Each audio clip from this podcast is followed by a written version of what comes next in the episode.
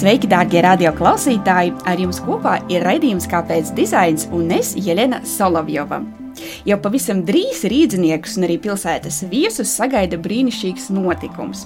Pēc ilgstošiem atjaunošanas darbiem savus durvis vērs vaļā Agenskalna tirgus paviljons. Tam par godu mums ciemos šodien ir divi, es jūs atļaušos tā nosaukt, darbie ciemiņi brīnumdari, arhitekta Liena Griezīte un Kalnciema kvartāla un Agenskalna tirgus idejas autors un vadītājs Kārlis Dambergs.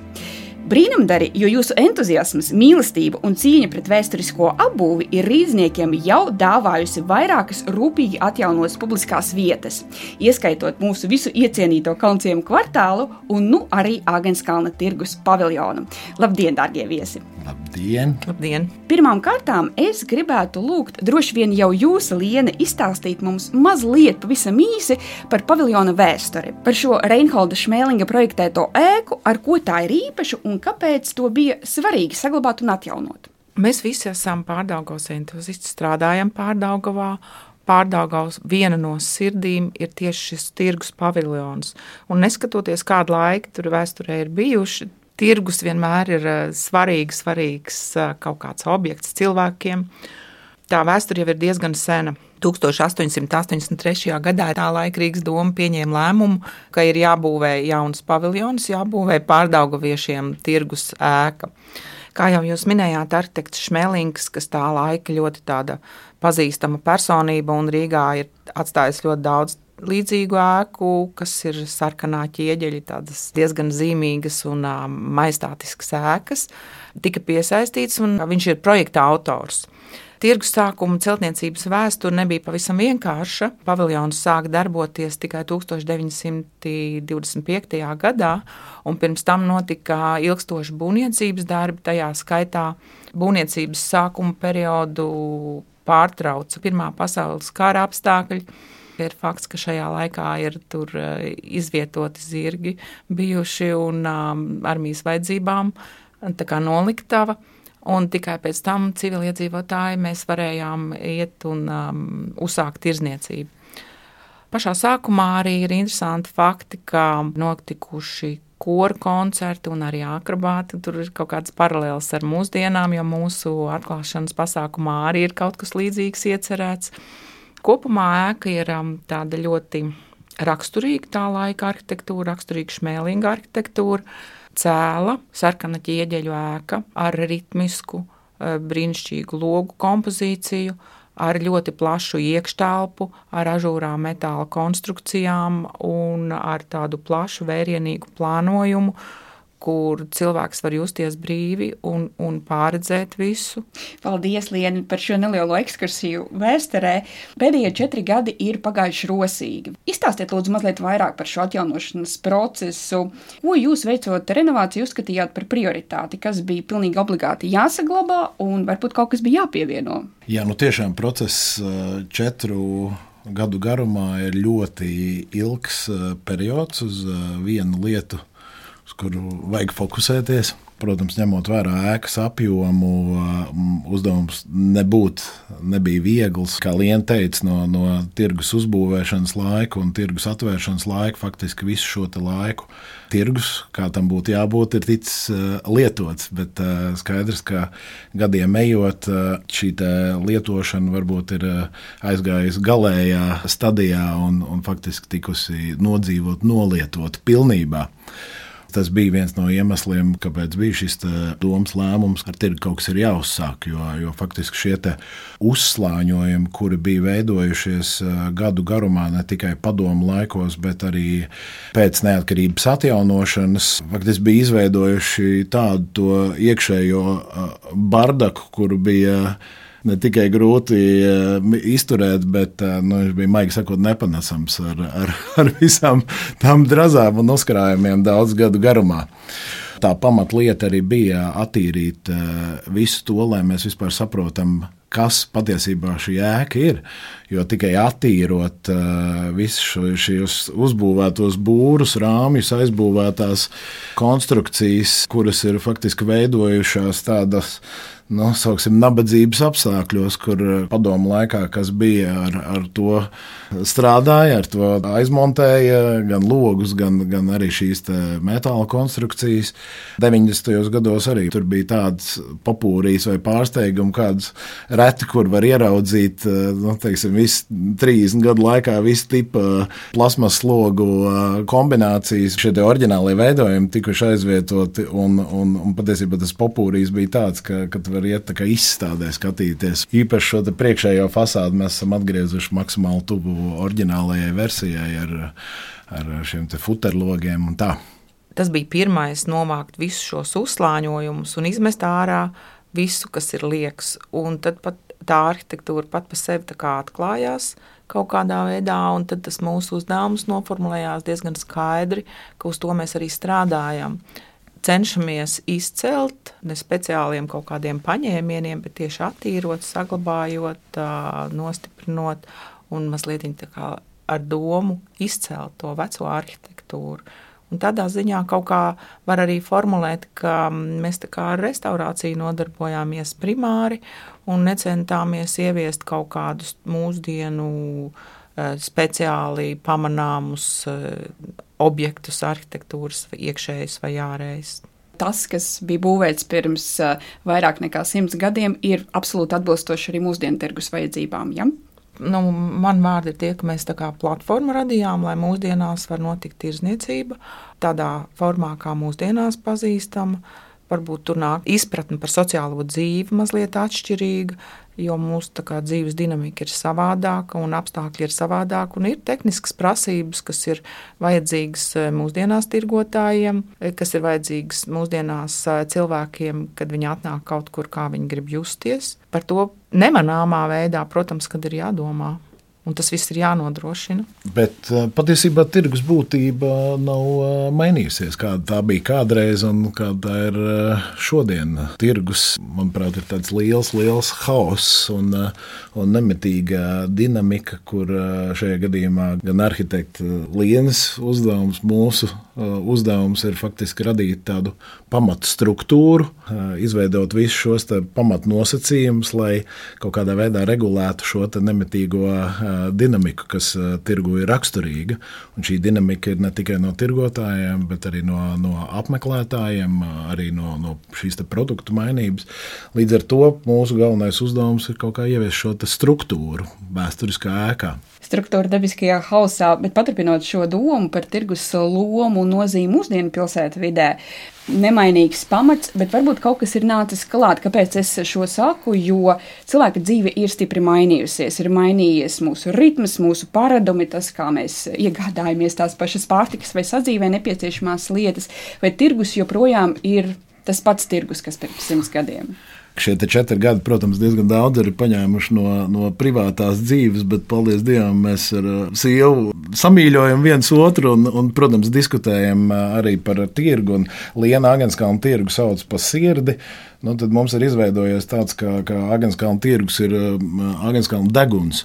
Šis deguns ir tas, kurš eh, patiesībā jūt visas šīs gan smaržas, gan dažkārt tirgo arī eh, smakas. Un faktiski kaut kādas šīs jaunās vēsmas, tā skaitā senās vēsmas tirgus šī loma atkal atgriežamies ir diezgan nemainīga. Tajā, ka tirgus ir kaut kāda spēcīga bāze, kas notiek mūsu gan, gan sabiedriskajā, gan ekonomikas dzīvē. Šie daudzie, ne, tiešām neskaitāmie piemēri, kur tirgus ietveros rodas jauni biznesi, jauni produkti tirgus ir faktiski šis notikumu uh, sasmaržotājs. Mūsdienu dinamika ievieš kaut kādas nelielas uh, korekcijas, un, un tad jau nu, skaidrs, ka no praktiskā arī Agenskalna tirgus ar, ar pandēmijas sākumu mēs ieviesām šo produktu piegādi mājās. Nu, tā ir racionāla mūsdienu izmaiņa, varbūt, kas, kas kādreiz uh, nebija arī nu, pateicoties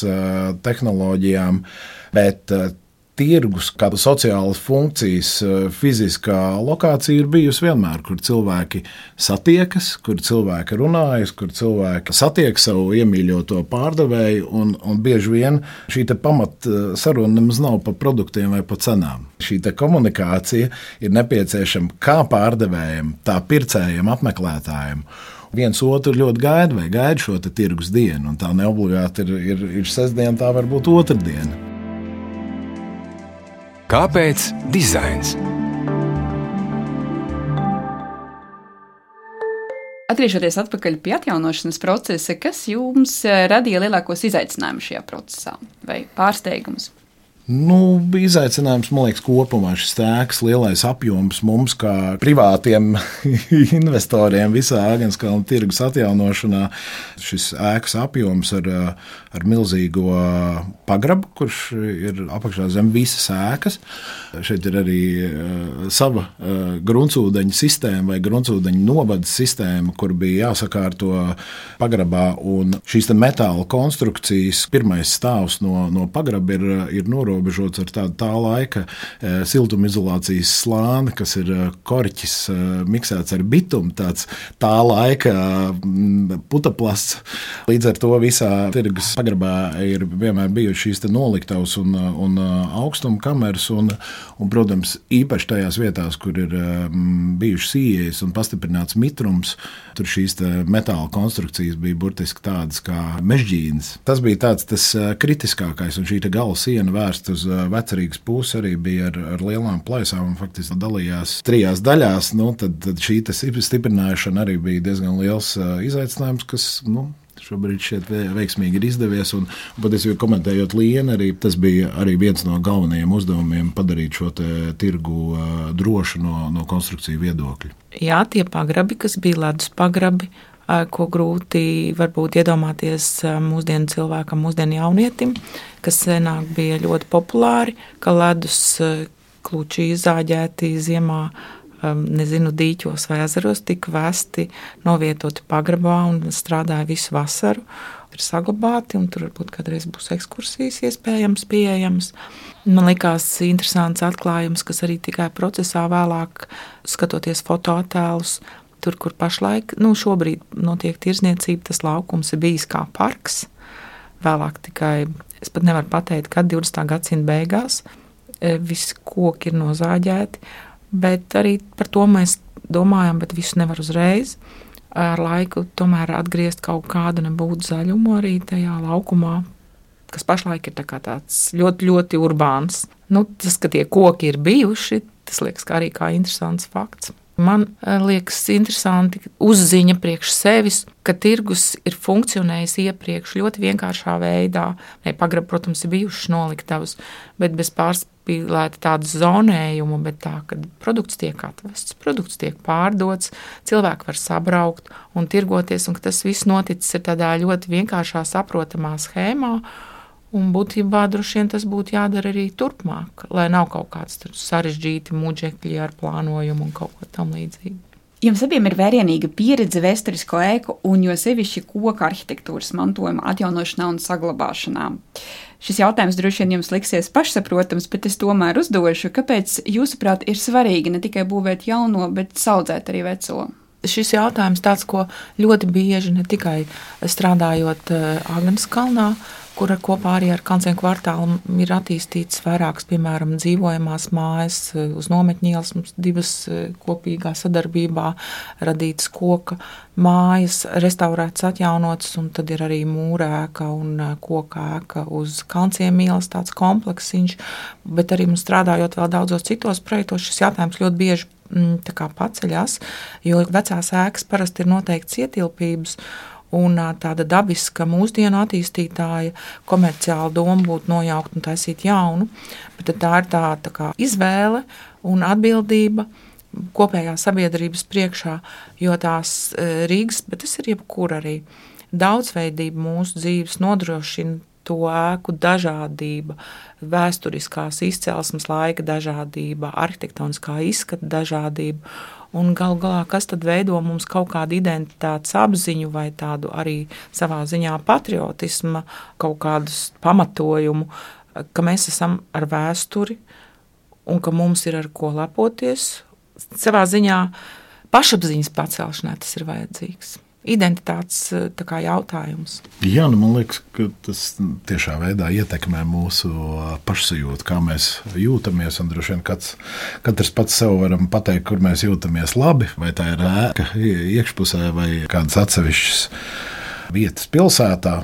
Es runāju ne tikai par Rīgu, bet vispār. Un, un man liekas, ka šī vide, kurā mēs dzīvojam, tiešā veidā ietekmē, ko mēs domājam vai, vai kā mēs jūtamies. Un, un tajā brīdī, kad tu padomā par to un apzināties, ka, jā, ka patiesībā ka cik labi ir sajusties tajā vidē, un šajā gadījumā ēkas ir diezgan būtiska vidas sastāvdaļa, tad man liekas, ka, jā, ka, ka, ka Rīgā mēs ļoti varam lepoties ar to, neskatoties uz to, kam mēs esam gājuši cauri, varbūt salīdzinoši ar citām valstīm. Un, protams, ka tad, kad mēs esam ārzemēs un, un skatām šīs jaukās, populārās vai, vai tieši otrādi nepopulārās vietas, kad mēs varbūt šīs labās sajūtas bieži vien norakstam uz to, ka mēs esam ārzemēs un mēs atpūšamies vai braucam komandai zaudējumā.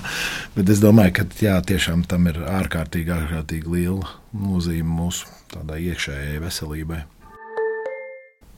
Bet kā tad ir Rīgā un Latvijā kopumā? Kā mums veicas ar senatnes uh, saglabāšanu? Vai esam gana saudzīgi, jūsuprāt, šobrīd? Ja man jāsaka no šodienas skatu punkta, es varbūt būšu pārāk drosmīgs, lai to teiktu, bet, uh, bet es teiktu, ka liekas, mums ļoti labi sokas ar to. Jo, ja salīdzinu laika posmu 90. gados vai, vai 2000. gadu dinamiskajā attīstībā, es domāju, ka mēs esam ārkārtīgi mainījušies kopumā kā sabiedrība padzīvojot šajos labajos laikos, ļaudis daudzās un dažādās sfērās ir eh, sapratuši šo nozīmi. Un man šķiet, šīs izmaiņas 30 gadu laikā, kuras mums nācās atkarot no visiem iepriekšējiem 50 gadiem, ir, ir ārkārtīgi būtiskas. Protams, ka ir ļoti daudz niansētu lietu, kur jau ir nu, teiksim, detalizēta profesionāļu iejaukšanās nepieciešama, bet, ja mēs ņemam šo lielo virzienu, tad man liekas, ka, ka sabiedrības kopējā doma ir absolūti pareizajā virzienā. Un, ja mēs tā kā necentrējamies tikai uz Rīgu, tad es personīgi ļoti priecājos par to. Es domāju, ka tagad jau tas ir pašsaprotami kļuvis, bet pirms laika tas tā nebija. Ka ir arī notikusi decentralizācija, un kad ir Latvijā brīnišķīgas sakoptas pilsētas, Cēsis, Liepāja, nezinu, Valmiera un daudz cits, un arī Kuldīgā, kur Mārtiņš Dambergs arī diezgan daudz darījis, lai Kuldīga kļūst interesanta cilvēkiem, apmeklētājiem. Nu, tad visbeidzot, eh, kad paviljons tiks atklāts un kāda būs tā ikdiena? Paviljona atvēršana ir plānota 7. maijā. Tā būs sestdiena, kā tirgus diena. Arī 8. maijā tirgus kā vienmēr strādās.